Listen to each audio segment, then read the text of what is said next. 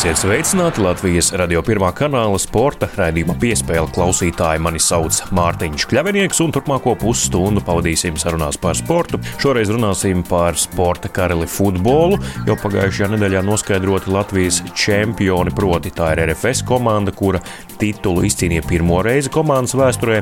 Sarunāsimies ar RFS vienības ģenerāldirektoru Māri Verpakovski par to, kāds bija ceļš uz čempionu titulu gan Latvijas kausā, gan arī Latvijas virslīgā. Savukārt raidījuma otrajā daļā iepazīsim Latvijas ratiņķēliņa izlasi, kas gatavojas Pekinas ziemas paralimpiskajām spēlēm. Šī ir pirmā komanda Latvijas vēsturē, kas iegūst tiesības startēt paralimpiskajās spēlēs. Pār to visu jau pēc pavisam īsa brīža.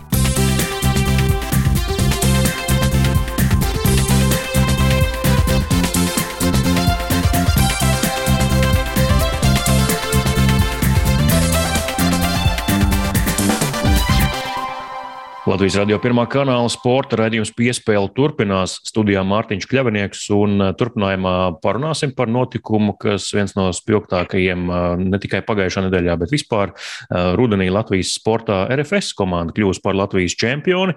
Iepriekš arī izcīnīja Latvijas kausu, tā kā divi tituli šajā sezonā. Lielisks starts arī Eirokausos, protams, neaizmirsīsim to, lai gan tituls par to nedod. Un parunāsim ar RFS komandas ģenerāldirektoru Latvijas futbola leģendu Māri Verpakovski. Sveiks, Māri! Jā, sveiki. Māri, kā tur īsti ir? Pirms sarunas uh, te sarakstījāmies, un uh, pats sacīja, ka esi Brazīlijā. Kā tas īsti ir? Tur uh, svinības noteikti nenotiek RFS komandai, vai darbs turpinās, un jau tu meklē jaunus papildinājumus nākamajai sezonai komandai? Jā, tieši tā. Komandai, principā, komanda ir aizgājusi atvaļinājumā, bet nu, kluba vadībai parasti tad arī sākās tāds īstākais darba laiks, jo, jo tiek komanda gatavot nākamajai sezonai. Un, uh, tiek apspriesti un saskaņot visi plāni uz nākamo gadu, kā arī mm, meklēt papildinājumu uz nākamo sezonu. Un viena no vietām mēs jau sen bijām ieplānojuši, nezinājām, uzvarēsim vai neuzvarēsim. Jebkurā gadījumā, ka brauksim uz Brazīliju, tā teikt, meklēt jaunos Emersons, kuru šeit arī veiksmīgi atradām. Es atradu divu gadu atpakaļ, tāpēc mēs šogad jau tādā kuplākā skaitā esam atbraukuši gan komandas galveno treneri un, un sporta direktoru atrast papildinājumus nākamajai sezonai. Kāds ir tas ceļš uzbrauc uz kaut kādām akadēmijām, nu gluži jau no ielas tur neņemat puikas aiz rokas? Nē, nē, protams, jā, mums ir plānā apmeklēt uh, četras akadēmijas, plus vēl dažas draudzības spēles, un uh, nu, skatīsimies, jā, atrast, atrast kādu jaunu talantu un pārliecināt, uh, atbraukt uz Latviju. Latvija priekš viņiem, jebkurā gadījumā, tā ir Eiropa, un viņi to uztver diezgan pozitīvi, tāpat, jo viņi saprot, ka Latvija ir Eiropa, un tas varētu būt kā nākamais solis, kā parādīt savu lielajiem grandiem. Šogad mēs Lemaišu pārdevām uz Gentu, kas mm. ir Beļģija arī tomēr ir augsts līmeņa čempionāts. Tāpēc, protams, ka tādā veidā mums ir vieglāk viņus pārliecināt. Tad varbūt var arī radioklausītājiem atklāt, nu, ar kuriem kuri jau šobrīd diezgan droši, ka paliks komandā un kuri nākamā sezona nebūs.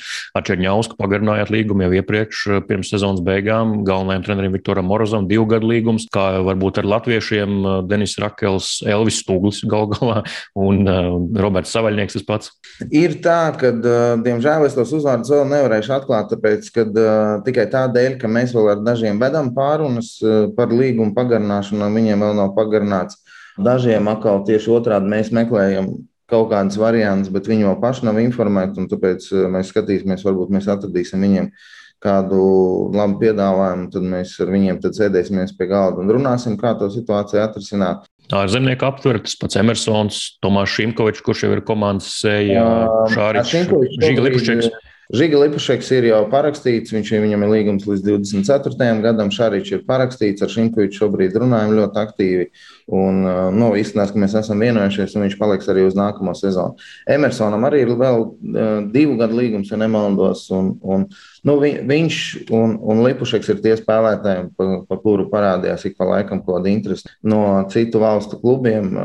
Nu, skatīsimies, pagaidām nekāds konkrēts piedāvājums pa viņiem nav atnācis, bet nu, vēl tas transfer tirgus īsti nav iekustējies. Jā, nu tad tā burvīgā čempionu sezona, čempionu sezona gan kausā, gan arī virslīgā, kas tomēr nozīmīgāk jūs jūsu kategorijās, jo tas jums pirmo reizi. Māri, nu, tu trīs gadus SRFS komandā, trīs gadus uz to arī tavā izpildījumā ir iets. Mācījāties iepriekšējā starpsezonā no kļūdām, ja tādas bija, kuras vispār starpsezonā var ņemt vērā. Nu, iepriekš jau arī bijāt vairāk kārt čempionātā vadībā un pārliecinošā vadībā, bet tā vadība izplēnēja. Jā, tā arī bija tieši, kad nu, šie trīs gadi, kamēr es esmu šeit, mēs bijām diezgan tuvu un visu laiku kaut kas mums pietrūka sezonas, vai nu citreiz vidū, vai citreiz izskaņā. Un, principā, sēdāmies pēc katras sezonas, analizējām un domājām, kuras bija mūsu pieļautās kļūdas. Un, nu, mēģinājām katru gadu palikt stiprāk un stiprāk, un es domāju, tas diezgan veiksmīgi arī izdevās. Jo šogad nu, nevarētu teikt, ka bez kļūdām aizvadījām čempionātu, bet nu, diezgan, diezgan tuvu tam. Un pirms sezonas, principā, vienojamies, ka sapratām, ka ja mēs gribam cīnīties veiksmīgi visās frontēs, gan Eiropausēs, gan pa čempionu, gan arī Latvijas kausā, nu, tad nu, mēs komplektējam sastāvu, principā, lai mums būtu divi līdzvērtīgi sastāvi. Kurš bija tas klubu vadībā, kurš teica, jā, Viktoram Morozam, vai kurš varbūt viņu uzrunāja vispirms, un tad varbūt bija jāpārliecina vadība, ka parakstam līgumu? To tas bija. Nu, jā, negribās jau tur tagad vajag tev slavēt, bet. Slavē, slavē, droši. Tas bija viens no pirmajiem, laikam, es biju, jā, um, kurš uh, piedāvāja Viktora Moros kandidatūru, jo es tiešām uzskatīju, ka viņš jau ir gatavs un ir pelnījis uh, būt pa galveno treneru. Bet, uh, nu, jāatzīst arī sporta direktoram Aleksandram Usim, uzreiz šī ideja patika, patika un viņš arī bija, bija par šo, tāpēc, nu, klubu prezidenta bija mazliet jāpārliecina, jo, nu, viņi mazliet baidīja faktu, ka varbūt tomēr Viktors nav vēl cīnījies par uh, par augstām vietām, par augstiem mērķiem. Nu, lielisks starts uh, konferences līgā. Tu jau minēji Darko došanos prom, uh, atlaidāt viņu pirms izšķirošajiem notikumiem virslīgā. Pašam iekšā bija pārliecība, ka sastāvs ir pietiekami dziļš, lai tik tiešām nu, aizvestu to līdz triumfālām beigām virslīgā bez Darko. Man bija, bet uh, mazliet izsit no sliedēm tas, ka mums uh, Cedriks kaut kādā veidā dabūja traumu. Un, uh, bija doma, ka viņš varētu kā, Darko vietā veiksmīgi aizstāt. Uh, bet, ja godīgi, tad es biju pārliecināts, ka būs vieglāk, bet nebija tik viegli, jo tomēr jutās Darko probūtni, jo kaut vai ne pēc tiem iesistiem vārtiem, bet tur mēs vairākās spēlēs zaudējām svarīgas vārtus pēc standartiem pie mūsu vārtiem. Triumfs kausā, paliek pēdējās trīs spēles virslīgā - Daugopils, Rīgas derbijas, Daugopils. Kas notika savā laukumā pret Rīgu? Pārdeg spēlētāji, tu no malas kā bijušais profesionāls. Nu, mazliet likās, jā, ka varēja just, ka ir tas spiediens, um, kad nu, ot, ot, ir tas jāizdara. Tik ilgi esam gājuši uz to, un ir tas pēdējais solis jāizdara. Ir kā pret principiāliem mūsu pretiniekiem, ja, trīskārtējiem čempioniem. Uh, Bet eh, nu, es nevaru teikt, ka mēs slikti spēlējām.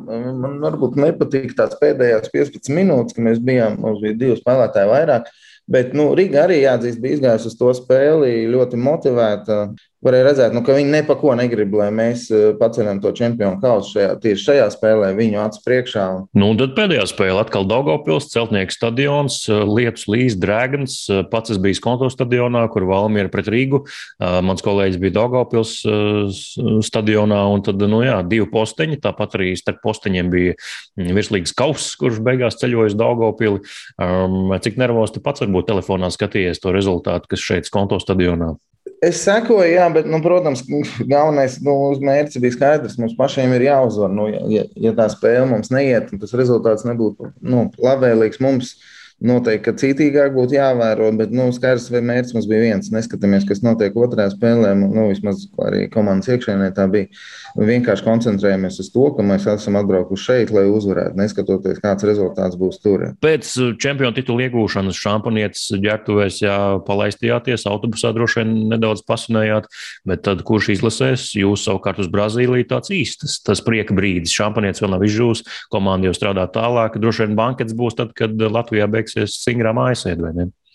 Nu, jā, kāda ir šobrīd, diemžēl, nosacījuma, ka nevaram, protams, ka komanda gribēja arī pasvinēt. Īsti nedrīkstēja šobrīd neko darīt, tāpēc nu, papriecājāmies kopā ģērbtuvē diezgan ilgi un, un, un izbraucām diezgan vēlu ārā no Daugopilsām. Tā kā māja ceļš vēl bija, bet nu, skatīsimies, varbūt um, šie ierobežojumi beigsies un kad komanda atgriezīsies no atvaļinājuma.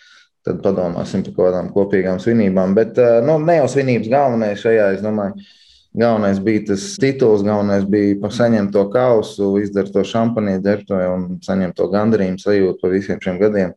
Kaut kāda jociņa pēc čempionu titula par Elvis Stūgļa ieguldījumu droši vien arī neizpalika. Ne? Protams, jā, no tā Elvija mēs jau tur smējāmies, vai autobusā, arī, kad viss ir vienkārši īstenībā vajadzēja parakstīt Elviju, un tad arī mm -hmm. tituls būtu. Mēģināsim viņu izmantot arī nākamgad. Jā, nu, lai izdodas. Tāda lūk saruna ar Māru Verpakovski, Latvijas čempionu vienības RFS ģenerāldirektoru Māru. Vēl pēdējais jautājums.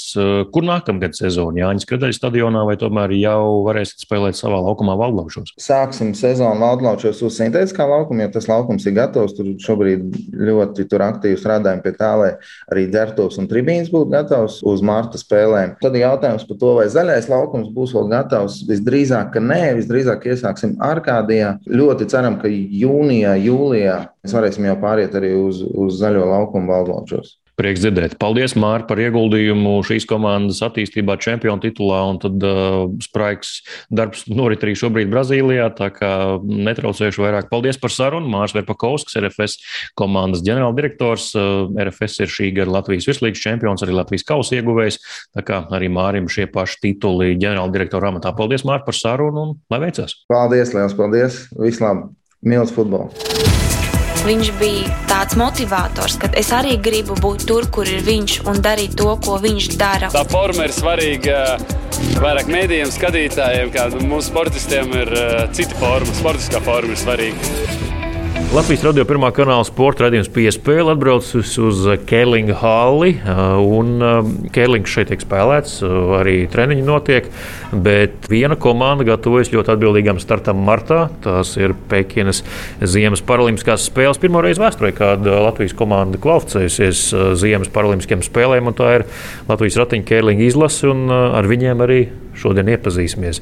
Varbūt jā, iesim tādu godu apli, un varbūt katrs var iepazīstināt ar sevi un ko komandā darāt. Polina Roškova, esmu komandas skips un komandas spēlētājs. Lielāks Briedis spēlē pirmajā pozīcijā. Sergejs Djačenko spēlē trešajā pozīcijā. Spēlētājs Aleksandrs Dembovskis. Alternēt. Mani sauc Agris Lasmans, esmu no Valmieras spēlēju septiņi gadi Kerlingu un esmu otrās pozīcijas spēlētājs.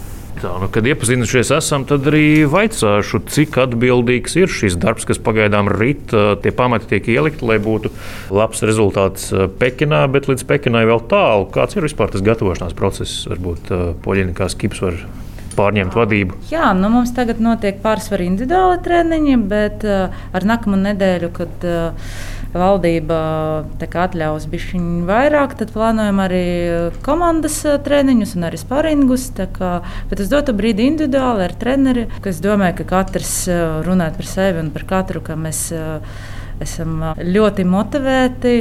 Ir īpaši pēc pasaules čempionāta, kad mēs redzējām savas kaut kādas kļūdas, ka tagad ir lietas, ko mēs zinām, kas ir jālabo. Un, tas ceļš tagad ir daudz skaidrāk redzams. Pasaules čempionāts Ķīnā. Tas nozīmē, ka kaut ko jau arī nu, tīri par laika zonām, aklimatizāciju iemācījāties vai ne šajā laikā? Uh, īstenībā tas bija ļoti fantastiska pieredze, ka man liekas. Uh, Vienīgais, ka tur par tiem laikiem, tur ņemot vērā, kāda bija organizācija, mums nesanāca tik daudz varbūt, gulēt, ka gribētos. Un līdz ar to, piemēram, man bija tā, ka es nevarēju saprast, tas ir rīta sēsija, dienas sēsija vai vakarā. Tu vienkārši guli tad tu iesildies un tad tu spēlē. Un, nu, faktiski tas viss, kas notiek, un plus vēl ceļš un katru dienu testēšana. Uh, es nevaru pateikt, kā tur es dzīvoju pēc cīniešu vai pēc Latvijas laika, bet tagad gan es Latv uh, dzīvoju pēc cīniešu laika, jo es pamodos katru nakti, vienos divas nakti. Un, um, tā, tagad es to jūtu. Tur uz vietas tā tas nebija jūtams vismaz man. Es varu pateikt, ka nu, piebilst, ka tā ir uh, Olimpiskā hale. Tajā halē spēlēs Kēlinga gan Olimpiskajās spēlēs, gan Paralimpiskajās. Viņi ir speciāli taisīti uh, Kēlingam. Mēs bijām pirmie, kas testēja to ledu halli. Un arī ķīnieši visu mēģināja mēs ar visām televīzijām, ar visām nu, augstākā līmeņa kamerām. Viss vis, vis bija Tā kā tāds pirmais tests bija tādām augsta līmeņa sacensībām, nu, faktiski, lai Olimpijādē ir par Olimpiskām spēlēm. Tas tāds kā ģenerāla mēģinājums, jā, viņiem to skatu iemēģinot tos, tos dēļus pēdiņās. Kā vispār, ko katram no jums nozīmē šī ceļzīme uz Paralimpiskajām spēlēm? To ieguvāt jau pirms vairāk nekā gada. Nu, tagad ir nu, ne, ne nu, gluži gaidīšana, bet nu, jā, tas spraigais gatavošanās posms un arī gaidīšana. Ko jums katram nozīmē būt Paralimpiskajās spēlēs, būt ar to ceļzīmi kabatā? Tas droši vien ir jūsu sapnis bijis kādreiz? Nu, nu, man vispār tas bija mērķis uzreiz, kad es atnācu uz Kerlingu. Tas 10 vai 11 gadus atpakaļ. Es uzreiz pateicu, ka es gribu uz Ziemas Paralimpiskām spēlēm. Nu, tas ceļš bija diezgan garš. Kad mēs bijām tieši tur, tā hala, viņi tiešām viņi ir kaut kas pirms tam neredzēts un nepiedzīvots.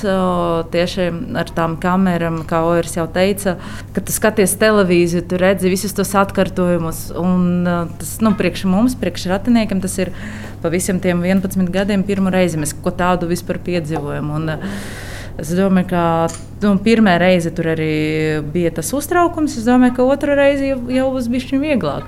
Un, um, mums sanāca, ka iepriekšējā lockdownā bija bijuši citi trenēšanas apstākļi, tā, tagad ir uh, labāki. Un, uh, nu, tagad mēs jau gatavojamies, ieslēdzamies un gatavojamies pa pilnam. Pirms tam bija pietrūka tieši nu, apstākļu dēļ. Kā pārējiem tas bija sapņu piepildījums, izcīnīt ceļzīmu uz Olimpādu. Paralimpiāda, būsim precīzi. Jā. Līdzīgi bija tā, ka pēc Vankūveras, Vankūveras uh, Paralimpiskajām spēlēm uh, Paralimpiskās komitejas vadītāja Daiga Dadzīta uh, sakontaktējās ar nu, Kerlīņa spēlētājiem, ar vadību. Un mēs pirmo reizi atbraucām šeit pamēģināt. Desmitajā gadā tas bija pavasarī. Desmitā gadā aizbraucām uz B grupas pasaules čempionātu. Visas spēles zaudējām, pēdējo vietu dabūjām. Un tad uh, treneris Arts Zentels. Viņš arī nu, tā, tā savācāmies kopā un jautājām, nu, kā tālāk ar plānu, vai mēs kaut ko darām nopietni un ar kaut kādiem mērķiem, vai arī nu, tā vienkārši atnākam uzspēlēt. Un tad izlēmām, nu, ka darīsim nopietni. Tas galvenais mērķis bija uh, nokļūt tam paralimpiskajām spēlēm. Tas tāds uh, desmit gadu, nu, jau vien, 11, 11 gadu garumā. Šad tad bijām jau tuvāk, kad varētu, bet nu, sanāca pirmo reizi. Faktiski tas, kad mēs esam uh, izcīnījuši to vietu, tas notika tikai vienu nedēļu atpakaļ. Mēs formāli zinājām pēc punktiem, nu, kad mēs uh, nu, tiksim, ja kaut kas īpaši nemainīsies. Bet, uh, akceptēja nu, pēc šī pasaules čempionāta tikai tas viss 12 komandas, kuras spēlēs. Tas oficiālais dokuments atnāca tad, jā, nu, jā, tāpēc kā Kēlinga asociācija. Nu, pēc, pēc tiem noteikumiem, kādā veidā komandas iekļūst, pēc šī čempionāta arī akceptē, kuras 12 komandas spēlēs Paralimpiskajās spēlēs. Vaicājuši, kā, tas, kā ir mainījies tas spēlēšanas raksturs nu, no tā, ka varbūt tas bija brīvā laika pavadīšanas veids uz kaut ko nopietnāku. Tur tie pieredzējušie. Es, es... No, Aleksandrs Rojas ir vispieredzējuši, un es tad nākamajā gadā atnācu. Man bija mērķis uzreiz, man, man nekas nemainas. Bet tagad varbūt es jūtu vairāk tieši komandas gārumu, tā kopumā. Jo pirms tam mēs bijām katrs par sevi. Un mēģinājām pieradīt kaut ko individuāli, bet tagad tiešām daudz vairāk jūtams komandas gars. Arī varbūt daļēji pateicoties mūsu trenerim, kurš mūs kā, uzrunā un uztur kolektīva formā. Un, jā, Arnis Veidemanis kopā ar Rihardu Jeske. Tas nav nu, kāds sociālais projekts, kur var nu, cilvēku ratiņkrēslā atpūsties. Tas ir ļoti augsti, ļoti augsti šeit. Jā, četras nedēļā. Neinteresanti vienam pašam uz ledus mētāt akmeņus. Minējāt jau komandu, kā veidojat to komandas garu, kā saliedēties savā starpā. Nu, jūs esat uh, pieci dažādi raksturi, cilvēki, personības. Kā jūs uh, kļūstat par vienu veselu? Kādi ir bijuši tie paņēmieni līdz šim, ko esat darījuši, vai, vai tas vienkārši ir organiski noticis gadu gaitā? Tieši gadu gaitā mēs kopā, cik mēs esam kopā jau. Tevi mēs desmit. Uh, nu, nē, nu tā, tad, kad Agris atnāca, es saku, cik senāk, astoņi gadi. Lēnām, lēnām viens otru tā ieslīpējušies esam. Zinām, viens, kaulam, jā, zinām, katram kāda mīnus, kāda plusi, kam kāda karakāna. Katru gadu višķiņ kaut kas vēl vienalga izlien, bet nu, katru gadu arī slipējam, viss kārtībā. Procesi iet. Mēs te tajā sākotnējā iepazīšanās aplītī uh, iepazīstinājāt katrs ar sevi, nosaucāt savu vārdu pozīciju. Poļina, kas ir katrs stiprās puses no šiem vīriem? Ko jūs varat pateikt, kas, kas viņos ir tas, tas labākais un kurā brīdī uz katru no viņiem var paļauties? Tā, nu, teiksim tā, pēdējais sacensības parādīja, ka es uh, morāla ziņa ļoti varu paļauties uz Oiru, ko es arī iepriekš zināju, bet šīs sacensības tiešām uh, cepuri nost, ka tas bija man uh, vislielākais atbalsts un arī mierinājums. Un arī pēdējais spēles, arī Agris Lasmans um, nospēlēja. Pirmkārt, viņš mums spēlēja pēdējā pozīcijā, jo man, veselība, mans veselības stāvoklis man to neatļāva. Mums Agritīm ir tas stipra puse, ka viņš ir morāli noturīgs. Un, um, tā arī mums ļoti izpalīdzēja. Par pārējiem es labāk, kas sanāca, tas sanāca. Viss kārtībā. Katram ir, katram ir kaut kas labs, kaut kas varbūt netik labs, netik pozitīvs, bet nu, kopumā viens otru papildina. Bet nu, neviens jau nav tāds, kurš, ja kaut kas nesanāk, met akmeņus pa gaisu un, un brauc prom. Ir taču viss tāds, ah, redziet, te jau viens kaut kas parādās. Bet arī tādam raksturam droši vien jābūt jau jaunāks asinis, jo nu, tā teikt, piedod zirgstelīt komandai. Tas droši vien arī tāds, kaut kādam līdzsvaram ir vajadzīgs. Kā ģimenei jābūt plusiņam un mīnusiņam. Varbūt kādam ir ātrākam, kādam lēnākam, kādam mierīgākam, kādam netik mierīgam, impulsīvākam. Tad viss kopā sanāk.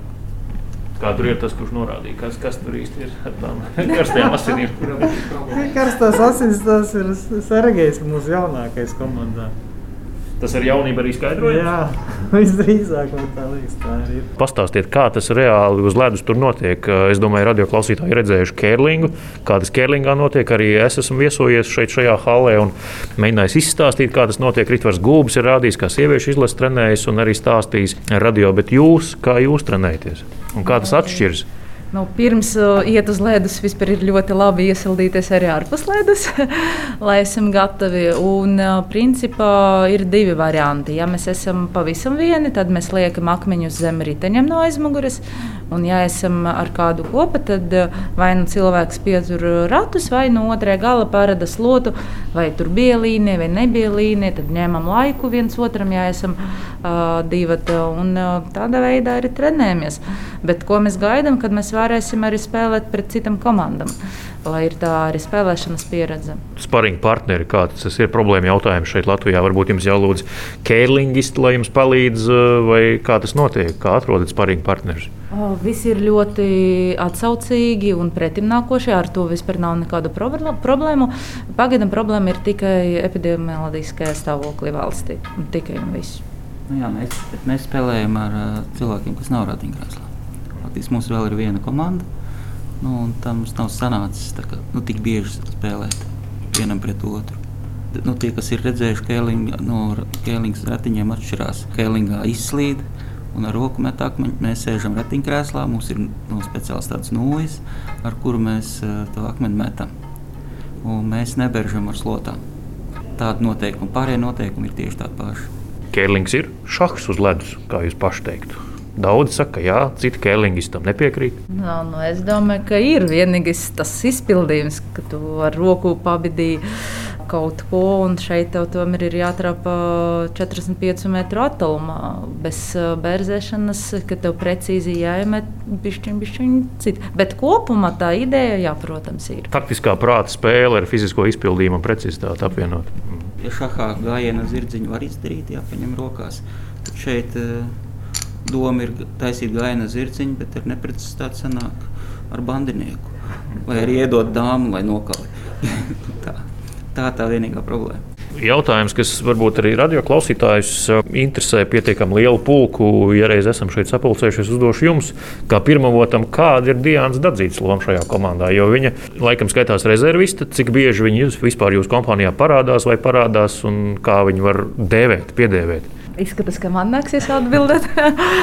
nu, ir tāda situācija, ka mm, dēļ Olimpiskam vasaras spēlēm dienai nebija iespējas apmeklēt treniņus. Un, kad vajadzēja aizbraukt uz klasifikāciju, viņai arī bija tas nogurums no vasaras spēlēm. Un, viņa nolēma uz to brīdi atpūsties. Un, viņa mums skaities, ka rezervisti arī uz pasaules čempionātu, bet pasaules čempionātā bija tāds noteikums, ka tikai astoņi cilvēki var braukt no komandas. Respektīvi, mēs esam četri pamatsastāvā. Aleksandrs ir, kurš spēlē arī 11 gadus, ir alternēts. Viņš arī spēlē ļoti daudz, kā arī treneris, treneris asistijā un ne masēra, bet fizioterapeita. Jā, jā, un respektīvi bez veselības pārbaudes. Tā kā spēlētājs nevar braukt nu, tik tālu, ja tev vēl nav akceptēts, vai tu drīksti piedalīties spēlēs, vai tu nedrīksti. Jā. Un tā bija tā neliela teiksim, problēma. Nu, pirmkārt, mums ir ierobežots, jā, un otrkārt, ja nav pateikts no federācijas, vai tas atbilst veselības stāvoklis vai neatbilst. Tas ir ārsts, kurš nosaka veseli cilvēki nevar spēlēt. Viņi nosaka, vai var spēlēt, vai nevar. Jā, un, un... Klasifikācija nu, bija iespēja iziet. Bet, nu, mēs to uzzinājām nedēļu pirms nu, viņa tā klasifikācija bija. Arī, arī Dienai to pateicām tieši tajā laikā. Viņš nevarēja aizbraukt. Viņi bija jābrauc uz uz uz Skotijas to klasifikāciju pēkšņi tur jāpērk biļetes. Tā. Bet tā iepriekš viņos treniņos piedalījās. Jā? Mums bija dabūmīgs čempionāts uh, oktobrī iepriekšējā gada. Tad viņi arī gāja un spēlēja kopā ar Rojaru. Un viņi ļoti labi nostartēja un ieņēma augstu otru vietu Latvijas čempionātā. Bet uh, pēc tam viņi sāka gatavošanos vasaras Olimpiskajām spēlēm. Tas uh, burvīgais tas būtu ļoti pasakains stāsts, ja viņa būtu gan vasaras, gan ziemas spēļu dalībniece, šoreiz nē, varbūt kādu citu reizi. Ne, šoreiz būšu es tā pirmā. Jā, Jā. šoreiz būšu es tā pirmā. Jo vasaras Rio Olimpiskas spēlēs es arī piedalījos. Kā vispār ir pārslēgties starp uh, nu, vasaras veidiem uz ziemas veidiem un kļūt par pilnvērtīgu ziemas veidu pārstāvi? Man Kērlings parādījās pirmais. Un viņi visu laiku gāja kopā paukošana un Kērlings. Tā kā tādas pārslēgšanas īstenībā nebija. Tie abi divi sporti viņi izmanto tikai vienu roku nu, pārsvarā, jā, un līdz ar to tas kustības un tie muskuļi viņi vienādi attīstās.